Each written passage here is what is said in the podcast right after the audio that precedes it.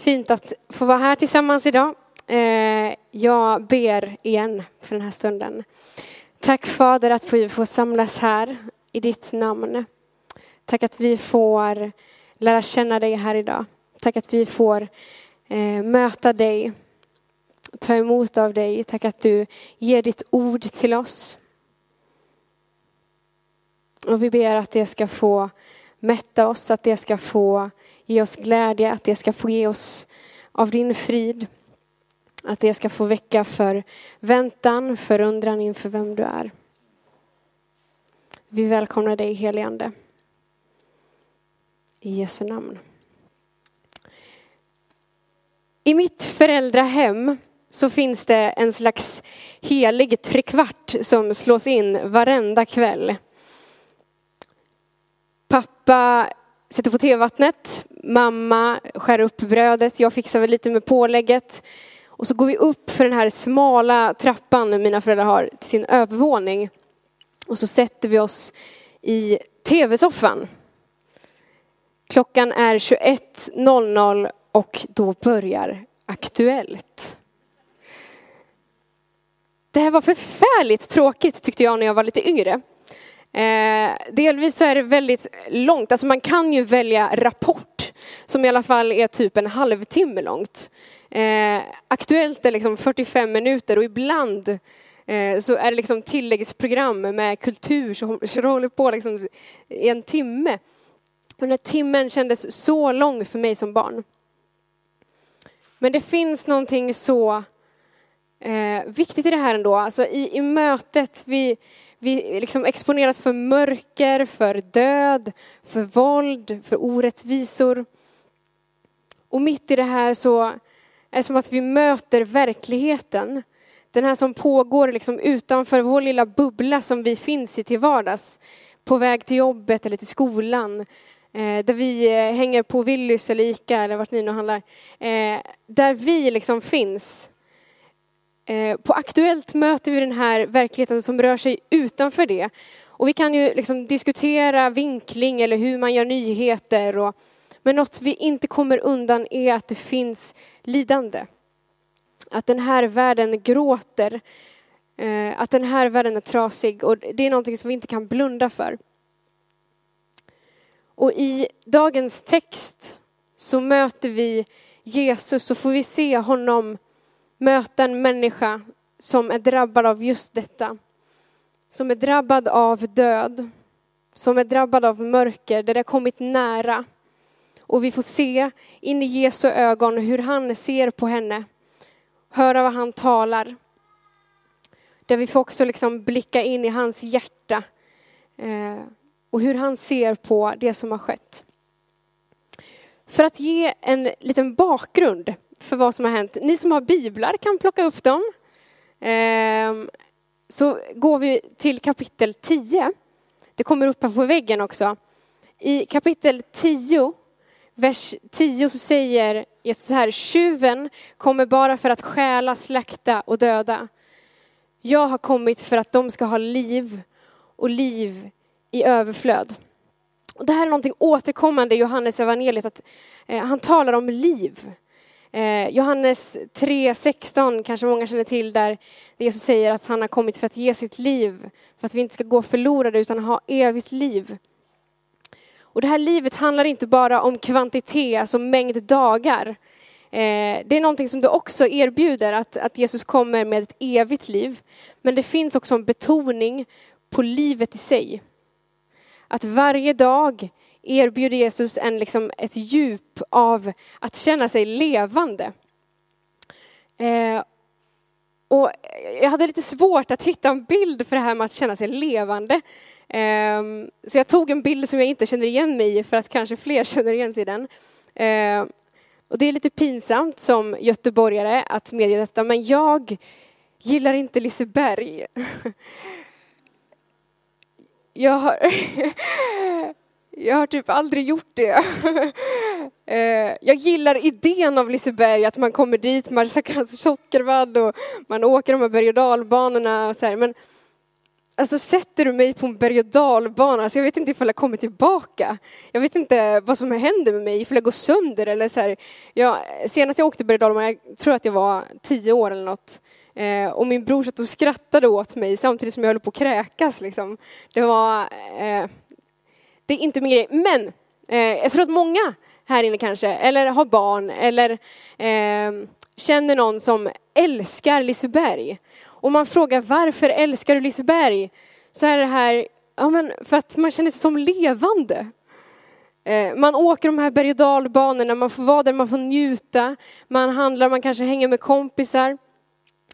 Eh, och om du som jag inte känner igen dig i den här Liseberg-bilden så kanske det finns en annan plats där du eh, känner dig som levande, där du får göra någonting eller får, ja men jag vet inte, hitta på någonting som gör att du aldrig vill att det där ska ta slut. Något som jag inte alls kan relatera till med Liseberg. Ehm, om vi hoppar fram lite till, till Johannes 27, eller 10, 27 till 30, så talar Jesus om sin relation till Fadern. Så säger han så här att mina får lyssnar till min röst och jag känner dem och de följer mig. Jag ger dem evigt liv. De ska aldrig någonsin gå förlorade och ingen ska rycka dem ur min hand. Min far som har gett mig dem är större än allt. Och ingenting kan rycka dem ur min fars hand. Jag och Fadern är ett. Det finns något så starkt i de här orden där han säger, ni tillhör mig. Du tillhör mig, du är min och det finns ingenting som kan ta dig ifrån mig. Och den erbjudandet, liksom, den inbjudan står öppen för varje människa att få komma hem till att vara en del av Guds familj. Men det finns också någonting som är så provocerande i det här. Eh, om att han säger att jag och Fadern är ett. Det här liksom sätter griller på eh, folket och det är det som vill eh, få dem att döda Jesus. Så i slutet av kapitel 10 så eh, flyr han på ett sätt. Han kommer ur deras grepp, står det. Och de går iväg och kommer till en annan plats. Så i kapitel 11 eh, så är han tillsammans med sina lärjungar. Jesus får bud. Eh, kanske inte så det går till idag riktigt, man kanske hade fått ett sms eller något från Marta och Maria, men han skickar han ett bud. Det kommer alltså en person som meddelar Jesus att din bror, eller din broder kan man säga, men din vän Lazarus är sjuk. Och det finns någonting med den här familjen, Marta, Maria och Lazarus, som jag tycker om så mycket. Jag ska bara dricka lite vatten.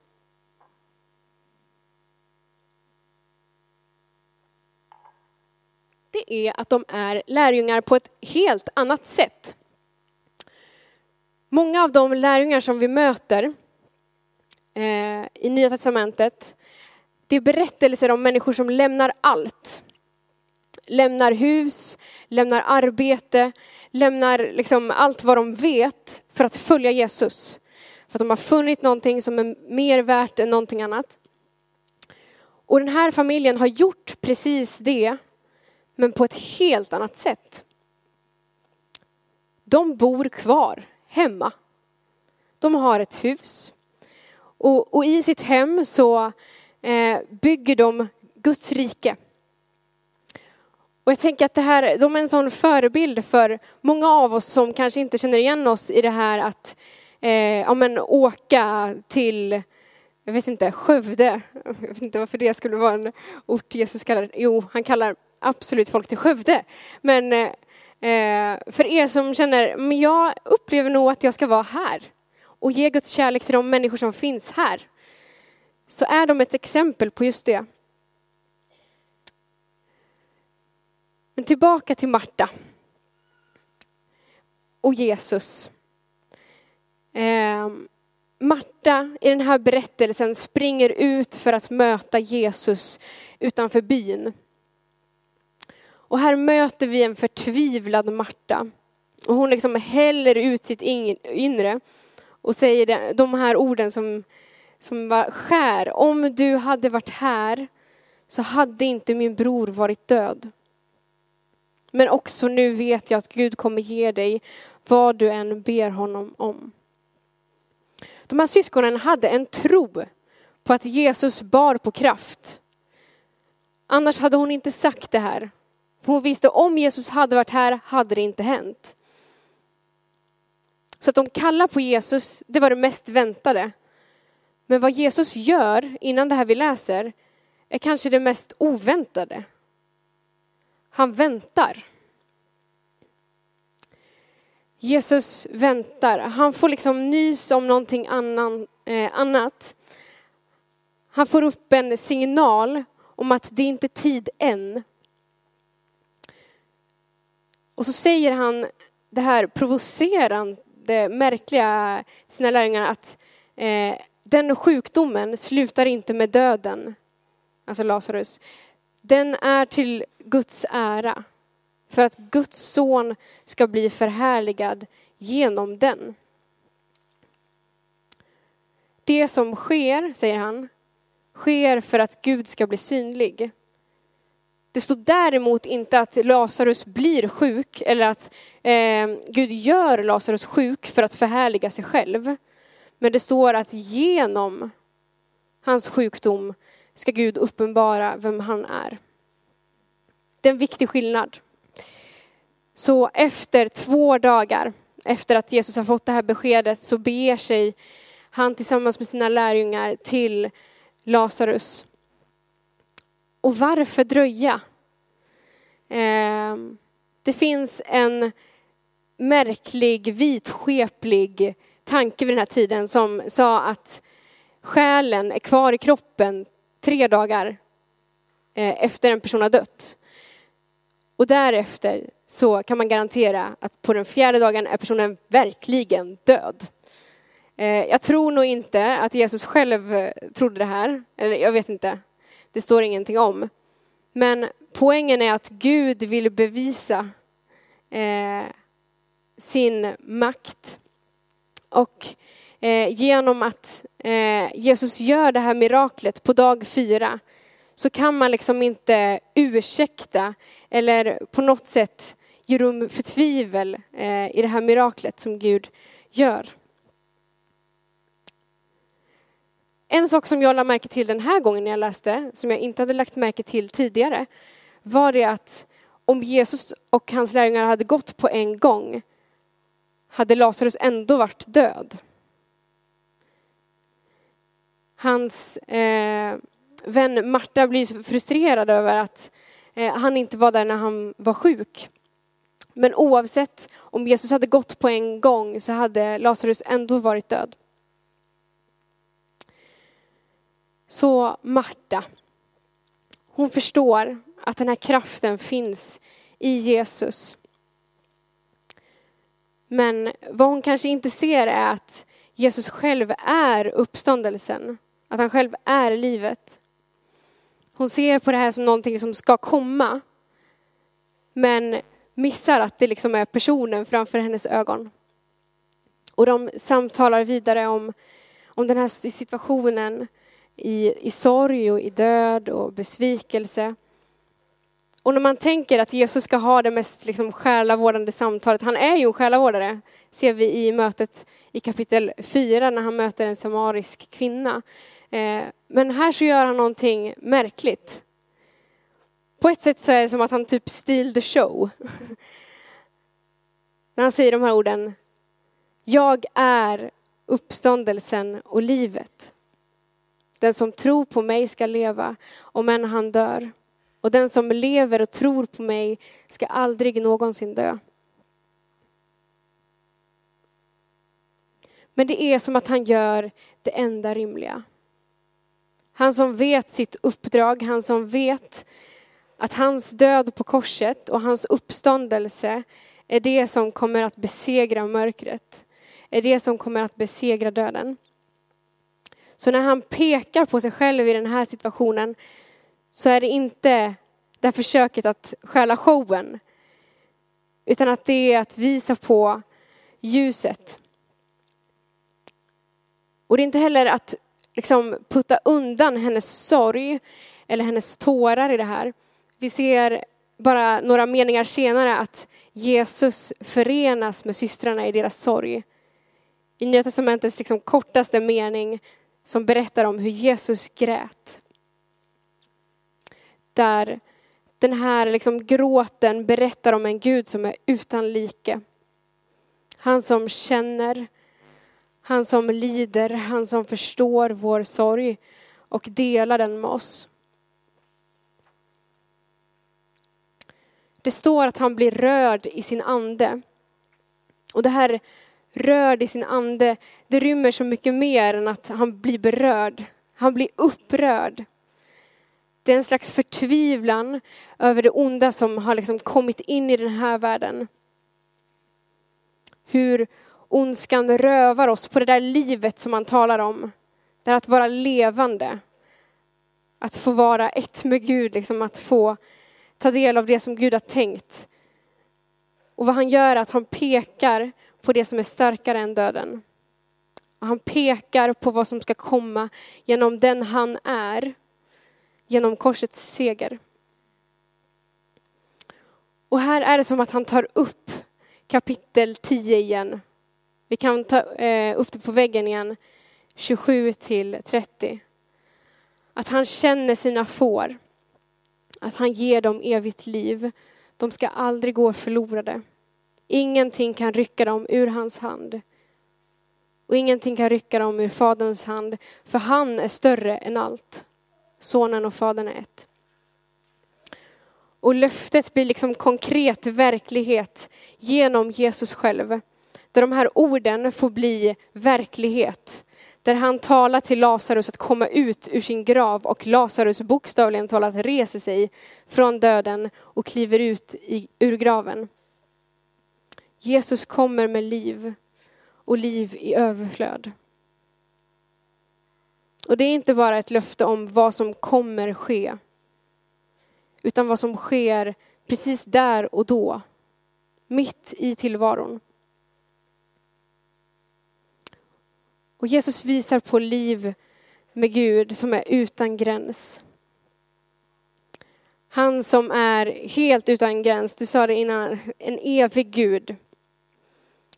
Gud som är utan gräns väljer att låta sig begränsas på korset.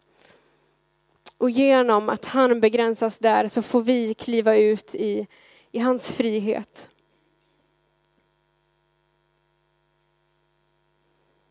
Vi får tillhöra honom. Och det öppnar upp nya världar, nya dimensioner, nya sätt att få upptäcka och att uppleva vad livet är. Vi lär oss så mycket av att se på Jesu ögon i den här berättelsen. Han är den som fäster sin blick på Fadern. Det här med att dröja, han, han väntar på att gå dit för att Fadern har talat någonting. Det är en slags liksom övning i tålamod och i tillit till, till Fadern. Att han är den som vet allt, känner allt. Jag tycker det är så häftigt också att det väcker så mycket tro, det här miraklet. Att Jesus kliver ut ifrån de döda. Att folket inte bara vill döda Jesus, utan de vill också döda Lazarus. För att han är ett sånt vittnesbörd över hur Gud gör det omöjliga. Det finns också en sån märklig paradox i det här att Jesus kommer och ger sitt liv. Och för att han ger liv så vill de ta hans liv. Men genom att han låter sitt liv tas så får vi liv i honom. Vi möter också ett par Jesus ögon som fylls av tårar. Han lär oss att vi möter våra vänner genom att ta del av det som är i deras hjärtan, det som pågår i deras liv. Han vet ju dock bara vad som kommer ske några minuter senare när Lazarus kommer kliva ur graven. Han skulle kunna springa bara för att eh, på en gång liksom eh, rädda situationen att resa Lazarus så att han slipper trösta dem. Men han stannar i mötet med Marta och Maria och förenas i deras sorg. Och det är någon liksom djupare sorg här också, tänker jag, över hur hela den här världen gråter. Hur hela världen på olika sätt brottas. Och han låter sig beröras av det.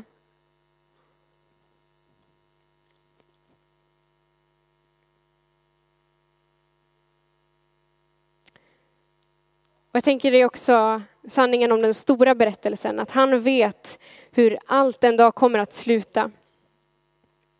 Han själv som är ljuset vet att ljuset har segrat över mörkret.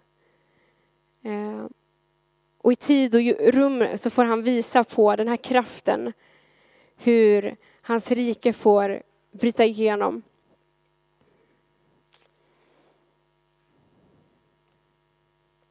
Så aktuellt. Den där obekväma trekvarten uppe hos mina föräldrar. För mig har det blivit ett sätt att välja att ta in det som pågår. Det är som att Jesus manar oss till att hålla kontakten med det som rör sig i den här världen. Och vi är alla olika känsliga för hur mycket vi orkar ta in, hur mycket vi kan ta in. Och där tänker jag att vi får lära känna någonstans hur mycket vi kan eh, positionera oss för. Men att se lidandet och att låta oss drabbas av medlidande tror jag är någonting djupt mänskligt och viktigt för att vara sann. Men om en viktigare så tror jag att det är att fästa blicken på Fadern. Precis som Jesus gör i, i mötet med mörker, i mötet med ondska, i mörker, eller mötet med döden. Att han väljer att fästa sin blick på Gud och fråga Gud, vad ser du i det som sker? Hur vill du bli förhärligad? Inte för att du har skickat det här, inte för att du har tänkt allt det här, men hur vill du visa dig i det som pågår? Och hur kan jag visa på det, där jag finns? Och det sista, att precis som Jesus pekar på sig själv, så får också vi peka på korset. Jag tänkte peka på det här, men det är inte kvar. Får jag hämta det? Är det här? Here it is.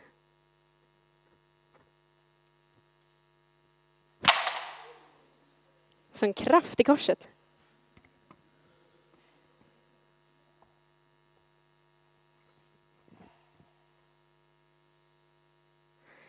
Den här, ni gör det. Den här symbolen som liksom vänder allting upp och ner. Där Jesus avväpnar döden sin makt och försonar oss med sig. Där han välkomnar oss hem.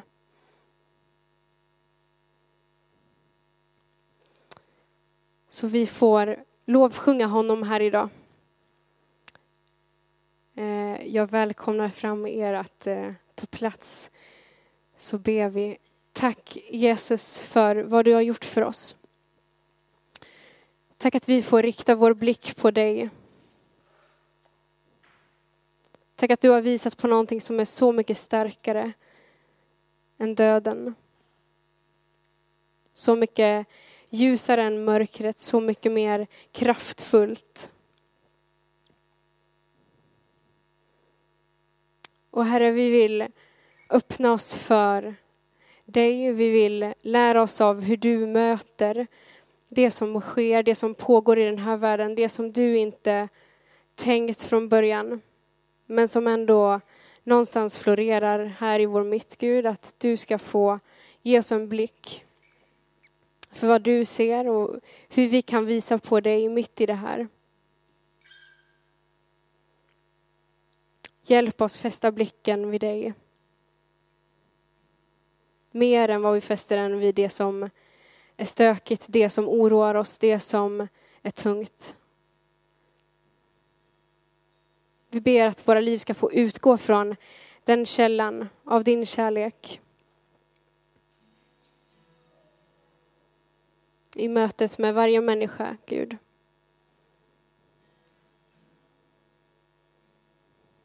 I Jesu namn.